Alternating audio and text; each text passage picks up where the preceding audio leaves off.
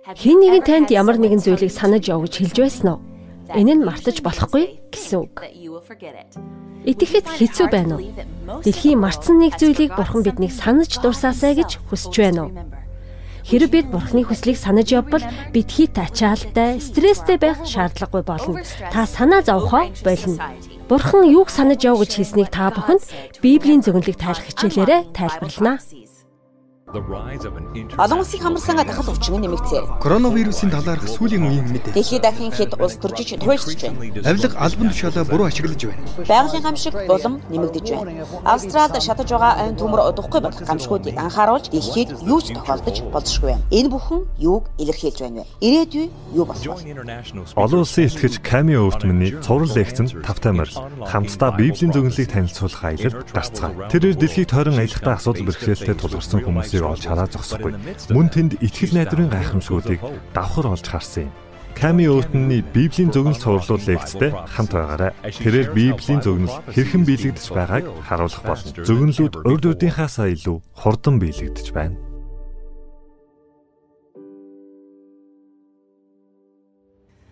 Сайн уу би Ками байна. Хичээл тавтаа морилно. Та Библийн зөвнөлийг тайлах хичээлээс ивэл авч байна уу? Ивээгцэн гэж найдаж байна. Найзуудаа хичээлийг заавал хуваалцаарай. Библийн зөвнөлийг тайлах цуврал хичээл Библийн агуу зөвнөлүүдийг танилцуулж байна. Та Библийн зөвнөлийн нууцуд Facebook пэйжид зочлохоо мартаоцай. Сүнслэгээр үсэх гайхамшигтай мэдээлэл аваарай. Мөн өмнөх хичээлүүдийг үзээрэй. Сүүлийн хичээлдээр бид Бурхны арга зам, хууль бол цаг хугацаагаар хязгаарлагдахгүй гэж үзсэн. Эдгээр нь түүний зан чанарыг танилцуулдаг. Бурхан 10 хуулийг бичсэн. Тэрээр биднийг элбэг хангалуун амьдрах боломжтой болгохыг хүссэн. Тэрээр биднийг түүний зан чанарыг дуурайгаасаа гэж хүсдэг. Хамгийн сонирхолтой нь хүмүүс мянган мянган хуулийг батал сахиулах гэж хичээж байна. Гэвч Бурхан хязгааргүй нэргэн ухаанаараа 10 хуулинд бүх хуулийг нэгтгэсэн. Бид орчин үеийн хууль дүрэн бурхны хуулиудаар суурилдаг гэдгийг харж болно. Гэтэл бид нэг хуулийг нь бараг бүгд нь мартчихсан байгааг та анзаарсан уу? Yesterday's presentation, The Way, supplied the foundation for tonight's topic. Видео бичлэгийн багийнхан маань Мадагаскар дахь азлагдсан тосгон руу явж Мамасита гэдэг хүний гайхшруулсан түүхийг баримтжуулсан юм. Энэ эмэгтэй өнөөдрийн заах сэдвийг ойлгож амьдрал нь өөрчлөгдсөн. Бидэнтэй хамт байгаарай. Удахгүй энэ түүхийг хуваалцъя. Та доор холбоос дээр даж болно. Библийн онлайн багш нартай харилцаж, манай онлайн библийн хичээл бүртгүүлэх, эсвэл залбирлын хүсэлтэд илгээж болно. Бид таны төлөө залбирах хүсэлтэй байна. Одоо жинхэнэ тэмдгийн тухай судлахаас өмнө залбирцгаая. Тэнгэрлэг эцэг орчлон ертөнц бидний зүрх сэтгэлийн хаан минь бидэнд үгээ өгсөнд маш их баярлалаа. Энэ харанхуй ертөнцид биднийг чиглүүлсэнд баярлалаа. Эзэн минь би танаар удирдуулмаар байна. Бид жинхэнэ тамга гэж юу болохыг судалж байхдаа оюун ухаанаа чөлөөлүүлмээр байна. Ингэснээр бид үнийг ойлгох боломжтой болно. Бидний зөв замаар удирдаач. Хичээл үзэж байгаа хүн бүр яг одоо ариун сүнсээр дүүрч таны үгнээс илүү ихийг мэдхийг хүсэх хүсэлтэй болгож өнөөдөр танд илүү гүнзгий дурлахад туслаач. Есүсийн ариун хүчрхэг нэрээр залбирлаа. Амен. Та бүхний өмнө зогсож байгаа шалтгаан маань зөвхөн үннийг Библи дээрээс хуваалцахыг хүсэж байгаа юм шүү. Одоо эдгээр үнэн танд шин юм шиг санагдаж магадгүй. Надад ч гэсэн ойлгоход хэцүү байсан. Гэхдээ та надтай хамт байгаарай. Би чин сэтгэлээсээ энэ хичээлийг хуваалцаж байгаа юм шүү. Үнэн шудраг байдлын төлөө юм шүү. Сэдв бүр өмнөх хичээл дээрээ тулгуурладаг. Бид хичээлээ судлах үед Библийн зарим зочирдуулсан сэдвүүдийг хөндөх учраас эвгүй сэтгэгдэл тухгүй байдлыг мэдрүүлж магадгүй. Гэвч үнэн хувирч биднийг төөрөлдүүлдэггүй. Та Библи дээрээс асуултын хариултыг олох хэрэгтэй зөв шийдвэр гаргах хэрэгтэй. Бид олон ишлэлийг хуваалцсан. Цаг хугацаагаа хэмнээд бид урт ишлэлүүдийг товчлон танилцуулах болно. Та ишлэл бүрийг бие даа дахин нэгтлээрэй. Энэ хичээлийг үзэж дуусаад та видеог дахин үзэхдээ видеог төр зогсоогоод ишлэл бүрийг бүрэн ихээр нь уншаарай.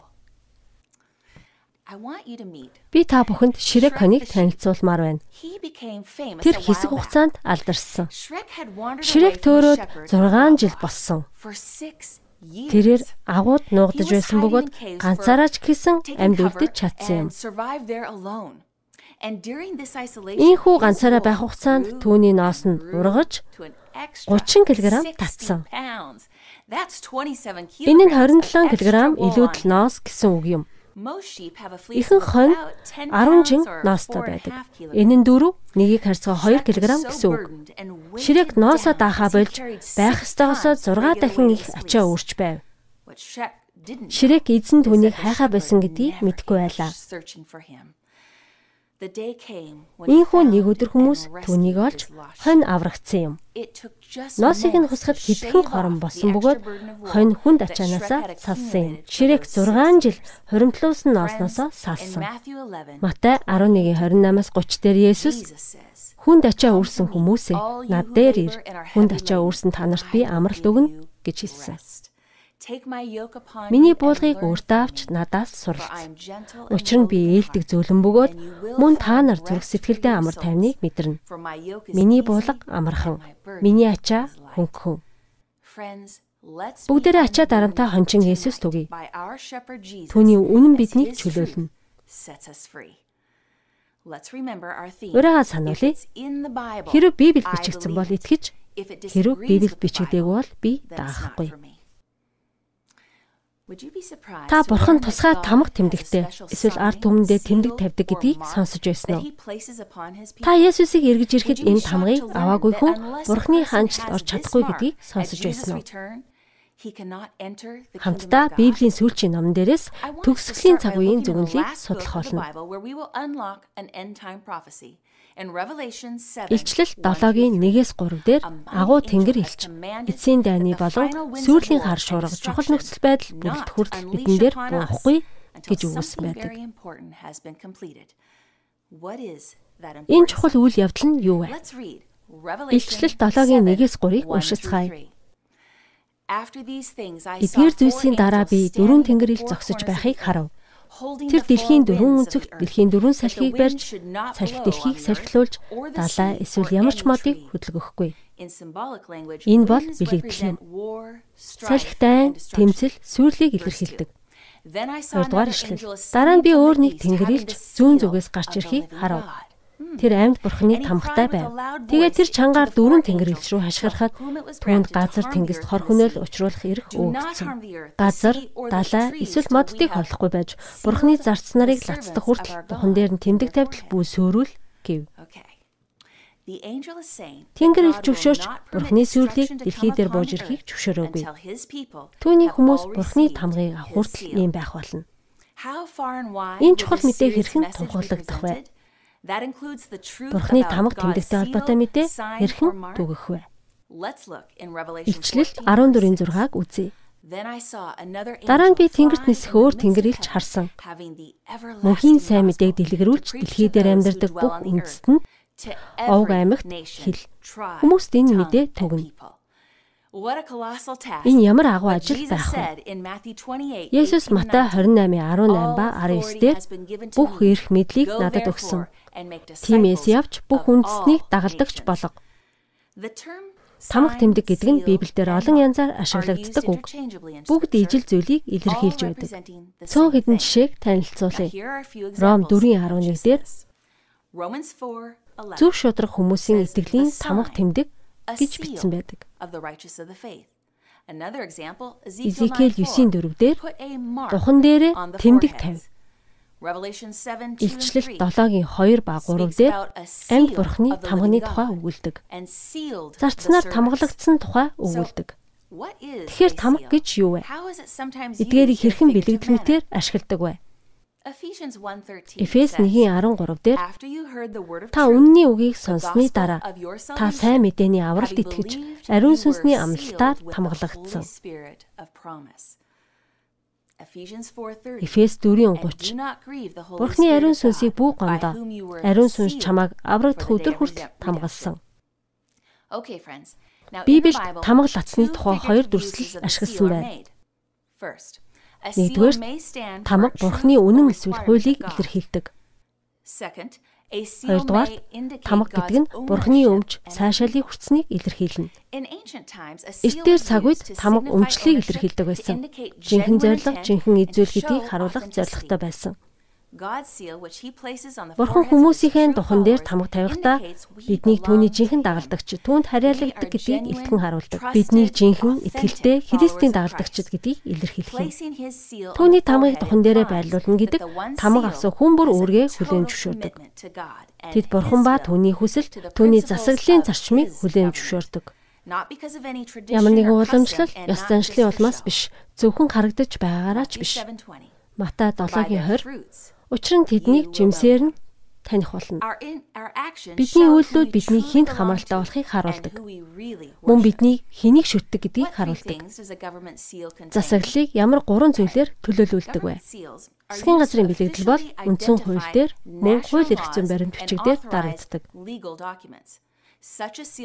Тамга дээр хууль гаргагч эрх мэдлэлтний нэр хуулийг хэрэгжүүлэгчийн нэр ерөнхийлөгч гэх мэт албан тушаалыг танилцуулдаг.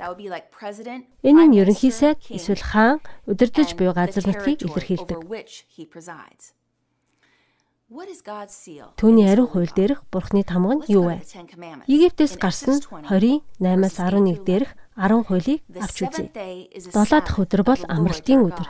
Чиний Бурхан эзний өдөр. 6 өдрийн дотор их эзэн тэнгэр газрыг бүтээсэн. Дөрөв дэх хууль бол тамга юм. Бурхны 10 хуулийн нэг хэсэг. Яагаад гэдгийг харцгаая. Энэ хуулийн дээр Бурхны нэр бичээстэй байдаг. Эзэн чиний Бурхан гэж өгүүлдэг. Бурхныг бүтээгч гэсэн цол эсвэл албан тушаалыг нь танилцуулсан. Гуравдугаарт Бурхан газар нутаг ба тэнгэр ба газар гэдгийг тодорхойлсон. Дөрөвд хууль эдгээрийг эргэлзээгүй агуулж байдаг. 10 хууль Бурханы эрх мэдлийг баталгаажуулдаг. Бүтээгчийн эрх мэдэл Бурханы засаглалыг тунхагладаг. Илчлэлч гэсэн үнийг тодорхой харуулсан байдаг. Бурхан бол бүтээгч бөгөөд аврагч учраас бид түүнийг шүтдэг. Илчил 4-ийн 10 ба 11 дээр бидэнд үүнийг харуулж өгдөг. Үрд мөнхөд оршигч түүнд мөрөг. Эзэн минь ээ та мөрөглийг хүртэх зохистой юм. Алдарсуу нэр хүнд эрх мэдлийг авахд бүхнийг бүтээсэн бөгөөд таны хүслээр бүгд оршин тогтносон ба бүтээгдсэн. Илчлэл 5:9 дээр таныг шүтэх ёстой. Яагаад гэвэл та амиа өгч биднийг цусаараа аварсан бурхан билээ. Тэгэхээр бурхан ямар эрх даргатай байх вэ? Яагаад бид түүнийг шүтэх ёстой вэ? Тэр бол бидний бүтээгч юм. Бурхан хүмүүстээ ямар тэмдэг тамга эсвэл түүний бүтээгч гэдгээ мэдүүлэх хүч чадлаа харуулсан байна. Эдгээртэй танилцъя. Египтээс гарсан 31-ийн 16-аас 17. Бурхан амралтын өдрийг сахив. Амралтын өдрийг сахиж бүх үеэрээ санан дурс. Энэ бол мөнхийн гэрээ юм. Энэ бол байнгын амлалт гэсэн үг юм. Энэ бол миний Израилийн хүүхдүүдтэйгээ мөнхөд гэрээ байгуулсны тэмдэг юм. Эзэн 6 өдрийн дотор тэнгэр газрыг бүтээсэн. 7 дахь өдөр нь тэр амарч сэргээж шинчилсэн. Эзекиэл 20-ын 12 дээр би тэдэнд амралтын өдрүүдээ өгсөн. Энэ өдөр нь бидний хоорондох тэмдэг байх болно. Намайг таньдаг гэсэн бэлэгдэл байх болно. Би тэднийг ариусгадаг их эзэн мөн. Бурхан амралтын өдрийг тэмдэг болгосон. Түүний бүтээх аврах хүчийг хүлээн зөвшөөрсөн тэмдэг юм. Бид энэ өдрийг ариунаар сахих юм бол түүнийг хүлээн зөвшөөрснөө харуулдаг. Бурхныг бүтээгч аврагч гэж хүлээн зөвшөөрсөн гэсэн үг юм. Илчлэл 7 дээр агуу тэнгэрэлж хүмүүс дээр Бурхны тамга дарагдах талаар юу гэж өгүүлсэн бэ? Хамтаа судалцгаая. Илчлэл 7-гийн 3 дээр Бурхны зарц нарыг духан дээр нь лаццаж тамгалсан. Энэ нь бодит тамга мөн үү? Ром 7-гийн 25 дээр би их эзэн Есүс Христэд талархаж байна. Би оюун ухаанаараа Бурхны хуйлд үйлчилдэг. Гэвч махан бие маань нүглийн хуйланд захирагдаж байна гэсэн байдаг. Дух оюун ухааныг илэрхийлдэг. Энэ бол тархины титэм юм. Бид бусад бүтээлүүдээс сонголт ялгах чадвараараа ялгардаг. Зөв буруу хоёрын хоорондохыг бид ёс суртахуунаараа ялган таньдаг. Тархины ялгаж салгах чадварыг хяндаг хэсэг бол дух болон тархины урд хэсэг юм. Энэ хэсэг гүйцэтгэх чигүүргийг гүйцэтгэдэг, хариуцдаг. Энэ бол сэтгэн бодох, тунгаах, шүүлт зам байдал, сэтгэл хөдлөлийг удирддаг хэсэг. Эзэн тухны урд талыг чухал үүрэгтэй гэж танилцуулсан. Учир нь энэ бол мөргөл шүтлгийг хариуцсан төв юм. Бидний мэдээлэл авах ойлгох чадвар сонголт хийх үйлдэлүүдийг тархины энэ хэсэг үйлддэг. Бид Бурхны амралтын өдрийг сахих шийдвэр гаргах үед оюун ухаандаа тогтоож тамгална гэсэн үг. Ийм шийдвэрийг тухандаа тэмдэг авч байгаагаар дүрсэлдэг. Бодоод үзээрэй. Тэнгэр элчүү сатааны уур хилэн тогтоож Бурхны хүмүүсийг Бурхны тэмдгийг авах хүртэл хамгаална. Энэ бол өршөөл нэгүсэл юм. Энэ бүхэн яг одоо өрнөж байна. Хүмүүс Библиэс амралтын өдрийн талаар суралцж байна. Түүнийг хүлээн авах шийдвэрээ гаргаж байна. Бурхан амралтын өдрийг хизээ тогтоож өгсөн бай. Эхлэл 2-ын 1-ээс 4 дээр Бурхан газар ба тэнгэрийг бүтээж дуусаад дэлхийн бүтээлийн 6 өдрийг өнгөрөөгөөд Бурхан амралтын өдрийг 7 дахь өдөр бэм гарагт бүтээсэн. Бурхан амралтын өдрийг яагаад бүтээсэн бэ? Египтээс гарсан 20-10. 7 дахь өдөр бол амралтын өдөр юм. Энэ бол эзэн Бурханы өдөр. Бурхан амралтын өдрийг 24 цагаас бүрдсэн 7 дахь өдөр бүтээсэн. Энэ өдөр бол цаг хугацаа бөгөөд энэ бол цаг хугацаатай холбоотой асуудал. Энэ цаг хугацаанд бурхантай халуун хайрыг хөгжүүлж нөхөрлөх ёстой өдөр. Бурханы энэ 24 цаг бол үнэлж баршгүй цаг хугацаа юм. Ингэснээр бид бурхантай дотн харилцаатай болж чадна. Мөн энэ бол гэрлэлттэй адил юм. Хүмүүс бурхантай нөхөрлөж цагаа өнгөрөөхгүй бол энэ өдрийг сахиж чадахгүй.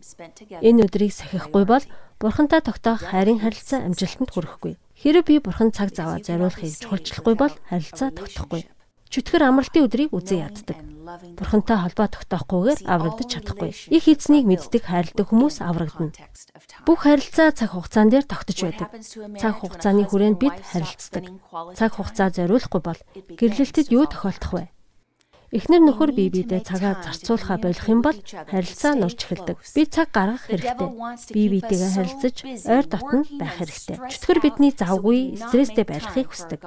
Хэрэг бид Бурханд цаг зав гаргахгүй бол ийм л болно. Тэгвэл Бурхан яагаад цаг хугацааг зориулахыг хүссэн бэ? Бидний оюун ухааныг түүн дээр төвлөрүүлэхийн тулд тэр бид нартай нөхөрлөхийн тулд бүтээсэн. Үүнд цаг хугацаа шаардлагдаг. Бурхан ертөнцийг үнэхээр их хайрлсан тул цорын ганц хүүгээ буюу түүний амьдралын 33 жилийг өгсөн юм. Ингэснээр бид түүнтэй нүүр тулан уулзах боломжтой болсон. Үүнээс илүү утга учиртай зүйл гэж байхгүй. Хамтдаа өнгөрөөсөн цаг хугацаанаас илүү чухал зүйл гэж байхгүй. Бурхан дэлхийг бүтээхдээ 3 зүйлийг хийсэн. Иймээс 7 дахь өдөр онцгой болсон. Эхлэл 2-ын 2 ба 3. 7 дахь өдөр Бурхан хийсэн ажлаа дуусгаж тэр 7 дахь өдөр амарсан. Тэрээр хийсэн бүх ажлаа зогсоосон. Дараа нь Бурхан 7 дахь өдрийг ажиллаж ариусгасан. Ариун болгон гэдэг нь ариун зорилгын төлөө ашиглан гэсэн үг. 24 цагийн нэг өдрийг ариун болгосон. Орчлон ертөнцийн бурхан цаг хугацааны эхний өдрийг тогтоож өгсөн. Бурхан ямар нэг зүйлийг ажиллахдаа ажиллаа хэр удаан байхаар тооцоолсон бэ? Жил, 10 жил, 100 жил үү? 1-р шастрын дээд 17-гийн 27 бидэнд хариулт өгдөг. Энэ нь түүний өмнө үрд үргэлжлэх болно. Эзэн та үнийг ажиллав. Энэ нь үрд ажиллагдах болно. Тэгвэл Бурхан амралтын өдрийг хэний төлөө бүтээсэн бэ? Марк 2:27. Есүс амралтын өдрийг хүний төлөө бүтээсэн. Тэгэхээр хүн амралтын өдрийн төлөө бүтээгдээгүй. Хүн 6 дахь өдөр бүтээгдсэн. Тиймээс амралтын өдрийг хүний төлөө бүтээсэн. Дараа өдөр нь 7 дахь өдөр амралтын өдөр болсон. Амралтын өдрийг зөвхөн еврейчүүдэд зориулан бүтээсэн үү? Бурхан амралтын өдрийг бүтээхэд еврей эсвэл харь үндэстэн гэж байгаагүй. Зөвхөн хүн төрлөختөн л гэж байсан. Бурхан амралтын өдрийг Адам болон түүний бүх үр удамд бүтээж өгсөн. Үүнд та бид хоёр ч орно. Тэгвэл Бурхны хууль хэрхэн бий болсон талаар бодож үзье. Синай уул дээр Мосе төгсөн. Египтээс гарсан 16 дугаар бүлэгдэр Израильчууд Египтийн болчлоос гарсан билээ. Тэд цөлөөр тэнэвчилж байсан. Хоол олоход хэцүү байсан. Тэд Бурханаас тусламж хүсгэд Бурхан Египтээс гарсан 16-гийн дөрөвдөр амлалтаа өгч тэдэнд Тэнгэрээс бух амтд маана таллаж өгсөн. Тэд талхыг 6 өдөр цуглуулсан. Гэхдээ 5 дахь ишлэлдэр бурхан 6 дахь өдрийг бэлтгэл гэж нэрлсэн байдаг. Тэд энэ өдөр хоёр дахин их мана цуглуулах ёстой байв. Дараа нь 25, 26 дахь ишлэлүүдэд Бурхан 7 дахь өдөр мана буухгүй гэж сануулсан. Амралтын өдөр болох 7 дахь өдөр мана бууж ирээгүй. 30 дугаар ишлэлд яагаад гэдгийг мэдүүлж өгдөг. Тэд 7 дахь өдрийг ариунаар сахиж аливаа ажлаа орхин амарсан. Манай өнөөдрийн бидэнд Бурхны ард түмэн ариун өдрийг мэддэг байсан. Амралтын өдрийг ариунаар сахих ёстой байсныг мэдүүлж өгдөг. Синай уул дээр хууль өгөхөөс өмнө Египтээс гарсан 20 дугаар бүлэг 10 хуулийг өгсөн. Хууль өгөх үед амралтын өдрийг дахин сануулсан. Бурхан тушаалаа чулуун дээр бичиж өгсөн. Тэр Иес эсвэл цаасан дээр бичээгүй. Бурхны хууль үрд мөнхөд хэрэгжинэ. Египтээс гарсан 28 дээр амралтын өдрийг ариунаар сах гэж хэлсэн байдаг. Зөвхөн энэ хууль санаж дурс гэж загсан байдаг. Бурхан хүмүүсийг мартна гэж мэдэж байсан тул ийм хийсэн. Тэгэхээр яагаад энэ хуулийг мартах вэ гэдэг асуулт гарч ирнэ. Бурханы амралтын өдрийг сахих анхны тушаалыг хүн мартна гэдгийг мэдэж байсан. Бурхан дайсан энэ тушаалыг эсэргүүцэн гэдгийг мэдэж байсан. Бид түүний хуулийн талаар өмнөх хичээлээрээ судалсан. Бурхан бидэнд хуулиа сануулах хэрэгцээтэй гэдгийг мэдэж байв. Бид 10 хууль амралтын өдрийг сахих тушаал өөрчлөгдсөн эсхийг судлах хэрэгтэй. Есүсийг Бурхны хуулиудыг хүчингүй болгосон гэж гүтгэж байгаа хүмүүс Лук 16-гийн 17 дээрх Есүсийн үгэнд анхаарах хэрэгтэй. Тэнгэр газар алга болох нь хуулийн эцгийг таслал алга болохоос амархан. Бурхны хууль ба түүний зарилгууч гэсэн мөнхөд орших болно. Матай 5-ын 17-оос 19 дээр намайг хуулийг эсвэл иш үзүүлгүүдийг үүсгэхээр ирсэн гэж бүү бод. Би устгаж үгүйсгэх гэж биш, харин биелүүлэхийн тулд ирсэн. Есүс хуулийг тогтоох гэж ирсэн. Ром 13-ын 10 дээр тушаалуудын талаар өгүүлдэг. Шинэ гэрээний эдгээр ишлэлүүдэд хайр бол хуулийн биелж байгаа байдал юм гэсэн байдаг. Шинэ гэрээнд эдгээр ишлэл Есүс Паул ямар өдрийг ариунаар сахиж байсныг харуулдаг. Би тэднийг ямар өдрийг сахиж байсныг мэдмээр байна. Лук 4:16 дээр тэр Назараас ирсэн Есүсийн тухай ярьж байлаа. Тэрээр заншил ёсоор амралтын өдөр синагогт очиж бичээсийг уншихаар боссон. Есүс амралтын өдрийг ариунаар сахисан. Үс 17-гийн 2-ыг үзье. Илч Паул. Паул Есүсийг нас барсны дараа итгэгч болсон. Тэр Есүсийг дахин амьлж тэнгэрт одсны дараа итгэгч болсон. Паул амралтын өдрийг хэрхэн сахиж байсан талаар өгүүлэх үед Паул заншсан ёсороо итгэгчдэр очиж гурван амралтын өдөр тэдэнтэй уулзан судраас хуваалцсан. Үс 18-ын 4 Паул амралтын өдөр синагогт хүмүүстэй ярилцаж еврей грек хүмүүсийг итгүүлэхийг хичээж байв. Амралтын өдөр бол бүх хүмүүс зориулагдсан өдөр. Паул энэ өдрийг сахиж байсан. Есүс болон дагалдагчид нь амралтын өдрийг сахиж байсан сонирн байна уу? Христийг нас барсны дараа дагалдагчид амралтын өдрийг сахиж Бурхны 7 дахь өдрийг ариунаар хадгалсан уу? Хэрв та эргэлзэж байгаа бол Есүс юу хийдэг байсныг дагаж дуурайгаарай. Есүс бидний үлгэр жишээ юм. Амралтын өдрийг сахина гэдэг жишээг нь дагаж байна гэсэн үг. 1-р Петр 2:21-д Христ бидний төлөө зовж бидэнд дагаж дуурайх үлгэр жишээ үлдээсэн.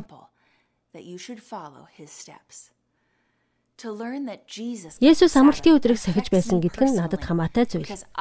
Учир нь би түүнийг дагахыг хүсдэг. Тэр бол миний эзэн аврагч юм.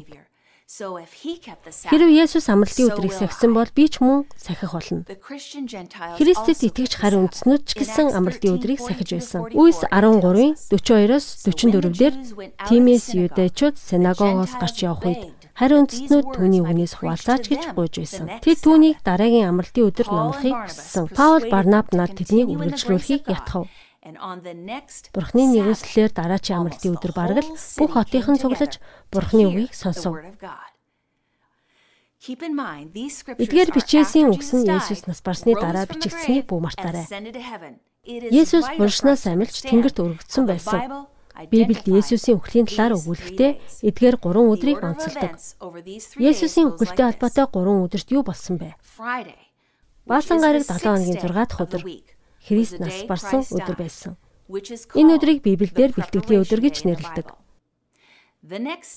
Дараагийн өдөр нь 7 хоногийн 7 дахь өдөр байв. Библиэд энэ өдрийг амралтын өдөр гэж нэрлэдэг. Бэм гарагт амралтын өдөр Есүс буршинд амарсан. Дараа өдөр нь 7 хоногийн эхний өдөр байсан. Есүс буршнаас боссон. Библи нэм гаргийг эхний өдөр гэж нэрлэдэг. Амралтын өдөр аль өдөр вэ гэдэг нь тодорхой байдаг. Амралтын өдөр бол 7 дахь өдөр юм. Энэ өдөр нь бэм гараг юм. Олон Христэд итгэгчид бид нэм гарагт мөргөл үлддэг бөгөөд Есүсийн дахин амралтыг хүндэтгдэг гэж хэлдэг. Христ энэ өдөр дахин амьсан үнэн. Энэ бол үнэн. Есүс түүний дахин амьлтыг хэрхэн тэмдэглэж хэлсэн бэ? Ром 6-гийн 3 ба 4 дээр Эсвэл та мэдэхгүй байна уу? Христ Есүс дотор баптизм хүртсэн хүмүүс түүний үхлээр баптизм хүртсэн биш гэж үү? Тиймээс би түүнтэй хамт оршуулгдсан.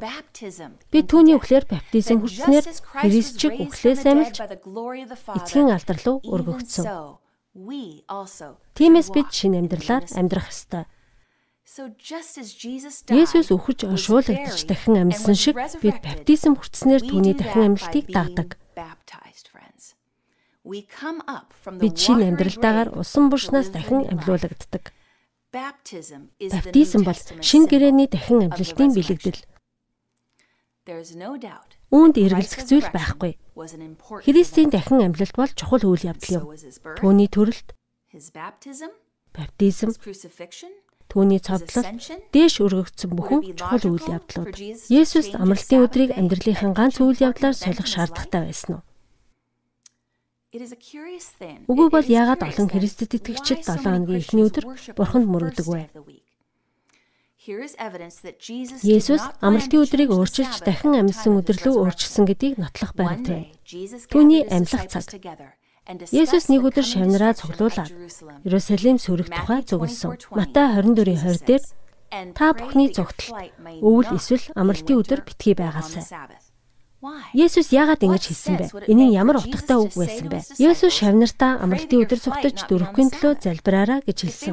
Дагалдагчид нь амралтын өдрийг сахих хэвээр байгааг энэ нэшлэл батлахгүй байна гэж юу? Эсбөгөөс Есүсийн үгс огт утгагүй болох болно. Тэр яагаад ингэж хэлв? Хэрв дагалдагчид бүгд амралтын өдөр мөргөл үлдэж байсан бол хамтдаа нэг газар байсан бол Ромын айран хот руу давтлах юм бол юу тохиолдох байсан бэ? Ромын айран тэднийг устгах байсан. Манай эртний 70 онд Иерусалим сүрсэн.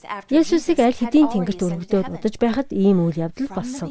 Бурхан анханасаа амралтын өдрийг чухалчилж байсан. Энэ бол түүний хүмүүстэй хийсэн гэрээ. Энэ талаар бодоод үзье.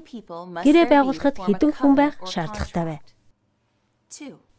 2. Тэгвэл нэг тал дур мэдэн гэрээгээ өөрчилж болох уу? Үгүй. Бид бурхантай байгуулсан гэрээгээ өөрчилж чадах уу? Гэтэ түүнтэй тохирохгүйгээр Үүнийг тайлбарлаж өгье.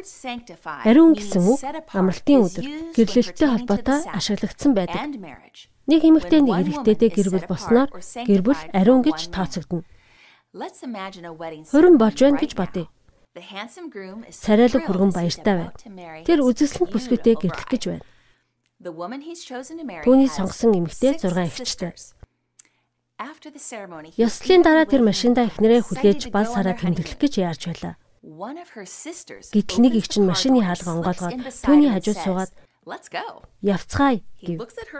Тэр түүн рүү гайхан хараад би тантай гэрлээгүй би дүүтэй чинь гэрсэн гэж хэлнэ. Гэтэл ямар ялгаа байгаа юм? Би долоон хүүхдийн нэг шүү дээ. Гэвэл яах вэ? Бурхныг ямар өдөр шүтгэд ялгаа байна уу? Гэрсэн хосуудад хинтээ гэрлэх нь чухал. Тэр зөвхөн ганц. Ариусгагдсан, сонгогдсон эмэгтэйг сонгосон. Залуу нэг эмэгтэйг л тусгайчлан сонгосон. Долоон эмэгтэй бүгд адил биш. Үүнтэй адил бүтээлийн бүх өдөр адил биш. Үүнийг эндүрхгүй байцгаая. 7 хоногийн онцгой өдрийг бусад өдрүүдтэй андуурахгүй байцгаая. Хүмүүс эзний өдөр гэсэн нэр томьёог бий болгосон байдаг. 7 хоногийн эхний өдөр нэм гаргийг инхүү нэрлэж эхэлжээ. Учир нь зарим хүмүүс илчлэлт 1:10-ыг уншаад их эзний өдөр би сүнсээр дүүрсэн гэсэн үгийг уншаад тэд олон таамаглал дэвшүүлдэг. Энэ нийслэл 7 хоногийн эхний өдрийг эзний өдөр гэж нэрсэн юм биш. Хүн төрлөختөн их эзний өдрийг тодорхойлох гэж хичээж байна. Гэвч Есүс эзний өдөр аль өдөр болохыг мэддэг. Түүнд өөрийнхөө өдрийг тодорхойлох боломжийг олгоё. Матай 12:8 дээр Учир нь хүний хүү бол амралтын өдрийн хүртэл эзэн юм гэсэн байдаг. Марк 2:28 Хүний хүү бол амралтын өдрийн эзэн мөн. Лук 6:8 Хүний хүү бол амралтын өдрийн эзэн. Сая 58:13 Хэрв та амралтын өдрийг сахихаа болж миний ариун өдөр өөрийн тушаалыг ирж хайж болохгүй. Энэ бол их эзний ариун өдөр гэсэн байдаг. Эзний өдөр бол амралтын өдөр гэдэг нь тодорхой. Бэм гариг бол 7 дахь өдөр. Эртний болон орчин үеийн 100 гаруй хил дээр 7 хоногийн 7 дахь өдрийг Шаббат, Саббат гэж нэрлэсэн байдаг. Цөөхөн хэдэн жишээ татъя. Араб хэлээр Сабет, Испани, Сапода, Украин, Суббота. Дэлхийн хаанч байсан хамаагүй төрөл бүрийн нь энэ өдрийг зөвөр дуудсаар байна. Амралтын өдөр бол бэм гараг. 7 хоногийн 7 дахь өдөр. Найдвартай их сурвалжуудыг үзэх юм бол энэ нь нотлогддог. Жишээ нь Английн хатан хааны Грин Винчийн од ажиглалтын төв, Америкийн нэгдсэн улсын Тэнгисийн цэргийн ажиглалтын төв 7 хоногийн мөрчлөг хизээч өөрчлөгддөггүй тогтоодог. Түүнчлэн нарны аймгийн гаригуудын талаар бодож үзээрэй. Бид жилийн мөчлөгөөр дэлхийн нарыг тойрох замаар тодорхойлдог. Сар нь дэлхийг тойрон эргэлдэж байдаг. The day is by the earth turning on its axis every 24 hours. But where do we get this seven day week from? Bible creation. God created the evening and the morning for each day and saw that it was good. A 24-hour day is in the Bible is measured from Библиэд 24 цагийг нэг өдөр гэж тооцдог. Үдшээс дараагийн үдэш хүртэл Нар жаргахаас нар жаргах хүртэл нэг өдөр гэсэн үг. Амралтын өдөр хизээ эхэлж дуустдаг бай. Марк үдэш гэсэн үгийг Марк 1:32 дээр ашигласан байдаг. Нар жаргасан орой нар жаргахаас нар жаргах хүртэл. Левит 23:32 үдэшээс үдэш хүртэл амралтын өдрийг сахих болно. Бид амралтын өдрийг нар жаргахаас эхэлдэг гэж бодох хэрэгтэй. Баасан гаргийн нар жаргахаас. Эхлэл 1:5 Бурхан гэрлийн өдөр гэж нэрлэж харанхуйг шүн гэж нэрлсэн. Үдэш болж өглөө болоход эхний өдөр байсан. 24 цаг эсвэл нэг өдрийн тухай ярих үед өглөөнөөс өмнө үргэлж үдэш гэж хэлдэг байв. Тэгэхээр амралтын өдрийг тэмдэглэх цаг нь баасан гаригийн наран жаргахаас бэм гаригийн наран жаргах хүртэл юм. 10 хуулийг шинэ гэрээнд ашиглаагүй гэж боддог хүмүүс дараах ишлүүдийг уншиж үзээрэй. Есүс ба түүний дагалдагчид шинэ гэрээнд Бурхны хуулийг заасаар байсан. Гэхдээ амралтын өдрийг хамгийн их заасан гэдгийг анхаарна уу? Бурхан энэ өдрийн ач холбогдлыг санаасаа гэж хүсдэг. Эхний тушаалыг бид Матай 4:10-аас харж болно. Хоёр дахь тушаал 1-р Иохан ба Үлсэд тэмдэглэгдсэн байгаа. Гурав дахь тушаал нь 1-р Тимот дээр байдаг. Мөн та дөрөв дахь тушаалыг анхаараарай. Матай, Марк, Еврей, Колосайчуудад энэ тухай бичсэн байдаг. Та бүхэн энэ хичээлийг төгж үзээрэй. Бичлэгийг зогсоогоод ишлүүдийг нэгтлэн уншаарай. Ишлүүдийг нэг бүрчлэн уншаарай. Би даан цаг гарган Библиэс өөрөө уншаарай. Бурхны 10 хууль нь зөвхөн санал болгосон хуулиуд уу? 10 зөвлөмж гэж нэрлэж болох уу? Эсвэл 10 сайн санаа гэж нэрлэж болох уу? Сайн санаа өвлөх нь хангалттай биш. Зөв гэж бодож байгаа зүйлийг хийдэг байх нь хангалттай биш. Санвартны үгийг сонсох нь ч хангалттай биш. Таны аврал эрсдэлд орох тухай хамтдаа ярьж байна. Тиймээс та өөрөө судруудыг судалж унших хэрэгтэй. Таны итгэл үнэмшил хэдий хүчтэй байсан та өөртөө итгэлтэй байж болно. Санвартан үнний талаар юу ч гэж хэлсэн таны үнний Үүний талаарх үндсээр Библи байх ёстой. Библи баттай замыг заадаг. Биднийг үргэлж Тэнгэр рүү чиглүүлдэг. Бурхан өөр хэрхэн үннээ зааж өгөх вүлээ? Бурхан ариун амралтын өдөр хүчинтэй байгааг үүнээс өөрөөр яаж тайлбарлах вэ? Тэр амаараа хэлж хуруугаараа 10 хуулаа бичиж үлдээсэн. Хайрт хүү Есүсийг илгээсэн. Бидний үлгэр жишээ болгосон. Шавнар нь түүнийг зааж сургасан тул бид энэ өдрийг сахих ёстой. Шин дэлхий дээр энэ өдрийг үрд мөнхөд сахина. Сая 66 22 23 дээр Шин тэнгэр, шин газар шиг үг минь үрд оршино гэж эзэн альдаж байна. Амралтын өдрөөс дараагийн амралтын өдөр хүртэл бүх махан би надад мөрөхөөр ирнэ гэж эзэн хэлсэн. Би тэр өдрийг тесэн ядан хүлээж байна. Бурхан биднийг деваажн руу буцаах төлөвлөгөө үргэлж хэрэгжүүлсээр ирсэн. Энэ бол Бурханы анхны зорилго. Би ямар хүсэл эрмэлзэлтэй байх ёстой вэ? Бурханы тушаалуудад дуулууртай байхыг хүсэх ёстой юу? Эзний хайрлах хайрыг олж авах нь миний зорилго байх ёстой. Учир нь Есүс Иохан 14:15 дээр Надад хайртай бол миний зарилгуудыг сах гэсэн байдаг. Хэрвээ би хайртай учраас дуулууртай байдаггүй бол хуулийг дагах нь хүнд хэцүү, хуульчрахал болох болно. Бурхны ариун амралтын өдрийг сахихыг бид 7 хоног бүр санаж байх хэрэгтэй. Бидний бүтээгч Бурхны хүүхдүүд. Бид өмнө судалж байсан гурван тэнгэр элчийн мэдэн дээрээс Бурхны хүмүүс тусгай хүмүүс болон бэлтгэгдэх ёстой талаар судалсан. Бурхны хүмүүс түүнд үнэж дуулууртай байж Бурхны хуулиудыг сахих болно. Тэд Есүсийг эргэж ирэхэд бэлэн байх болно. Тэд Бурхны тэмдэг эсвэл тамгатай байх болно. Бурхны амралтын өдөр тухан дээр нь тамгалагдсан байх болно. Тэд шийдвэрээ гаргасан. Тэд юу ч тохиолдсон Есүсийг сонгодог. Эдгээр хүмүүс Бурхны хуулийг бүгдийг нь сахидаг мөн Есүсийн итгэлийг эзэмшдэг. Тэд үннийг маш их хайрладаг. Тэд Бурхны өдрийг ариун байлгахын тулд бүхнээ зориулдаг. Энэ талаар би нэгэн сайхан жишээ танилцуулъя. Манай багийнхан Мадагаскар зураг авалт хийсэн. Мама Сисит ба түүний нөхөр нэм гарагийн цуглаанаа орхижээ. Тэдэнд асуудал тулгарсан байна. Нэгэн өдөр нөхөр нь Адвентист радио хөтөлбөр сонсож байлаа. Гэтэл нэвтрүүлэгч 7 дахь өдрийн амралтын өдрийн тухай ярьжээ. Тэрээр энэ сэдвийг гайхаж сонирхож эхлэв. Учир нь энэ талаар өмнө сонсож байгаагүй юм. Энэ хөтөлбөр тэр орой дахин дамжуулагдана гэв. Тэрээр ихнэрээ хайж эхлэв. Тэгээд сонссон зүйлээ хэлв. Тэд хамтдаа дахин дамжуултыг анхааралтай сонсов. Тэд тэмдэглэл хөтөлжээ. Тэд сонссон Библийн ишлүүдээ уншаад тосгоноос тосгод руу явж амралтын өдрийг сахидаг сүмийг хайж эхлэв. Эцэст нь нэг хүн тэднэрт 45 миль буюу 72 км-ийн зайтай том хот руу явахыг санал болгов. Тэд тийш алхаж очив. Олон хоног алхсны эцэст тэд 7 дахь өдрийн адвентист цөмийг олжээ. Тэд тэндээ баяр хөөртэйгээр мөргөл үлдэж амралтын өдрийг бусадтай сахиж эхэлсэн.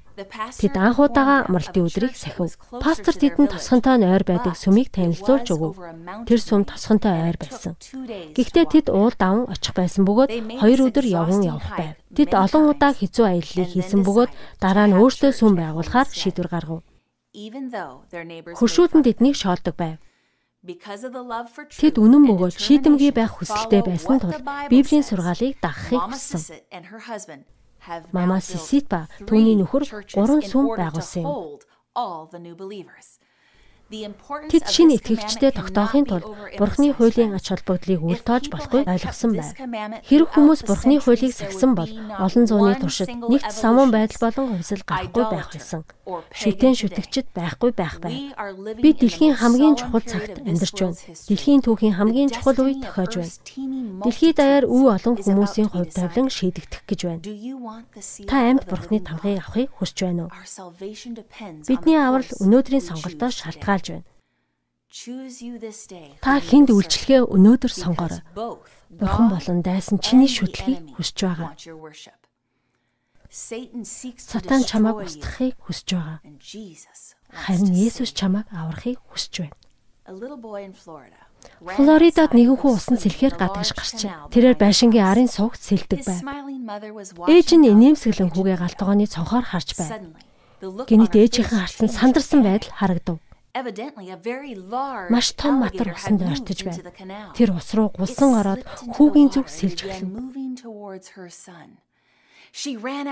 Ээж нь гүйж гараад матар гэж хашгирч эхлэв. Буцаад сэл гэхэд Хүү тэр дайруу эргэж эргэрүү төхөж байхад матар хүүгийн хөлнөөс зуурч түүнийг ус руу татаж эхлэв. Матар зуурсан тохиолдолд хохирогчдоо живүүлж хороод Ээж нь хүүгээ гараас нь атгаад матартай хүчээ үзэж эхлэв.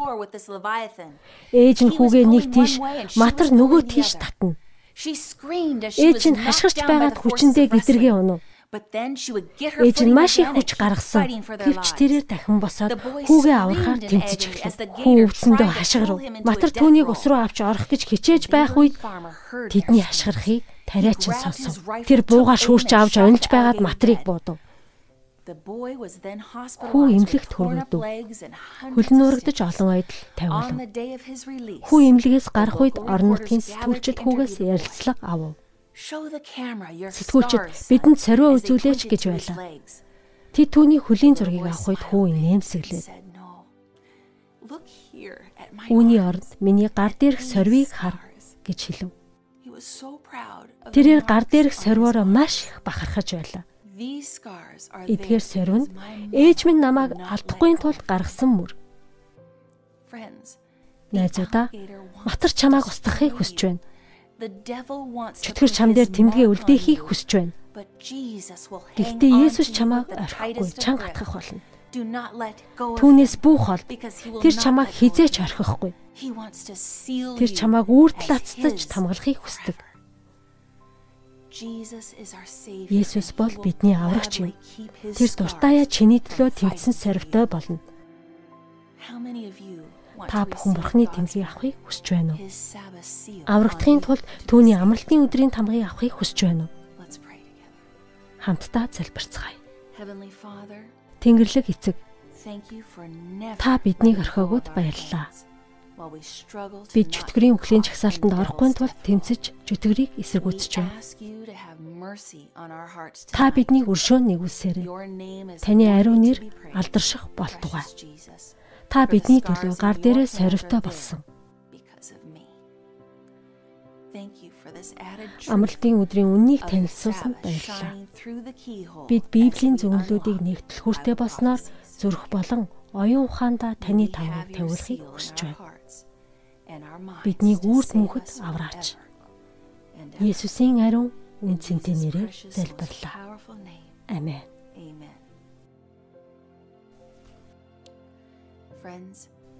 Найзуудаа та нар шийдвэрээ гаргасан уу? Амралтын өдрийг ариунаар сахихыг хүсэж байна уу? Та Бурхны хуулийг сахидаг Христэд итгэж болохыг хүсэж байна уу? Доорх линкэн дээр дараад Бурхны 10 хуулийг сахихыг хүсэж байгаагаа илэрхийлээрэй. Бид амралтын өдөр бол Бурхны тамга гэдгийг мэддэг болсон тул яагаад олон хүн сахихгүй юм бэ гэж гайхаж байж магадгүй. Яагаад өөр өдрийг шүтдэг юм бэ гэж бодож байгаа байх. Маргаашийн хичээлийг сонсоод та гайхах байх. Хичээлд хамрагдсанд маш их баярлалаа. Бурхан ивэг. Маргааш бидэнтэй нэгдээрэй. Библийн зөвнөлийг тайлах хичээлийн хуурмаг зүйлс сэдвийг судлаарай. Бурхны замыг сонго. Сайхан амраарай.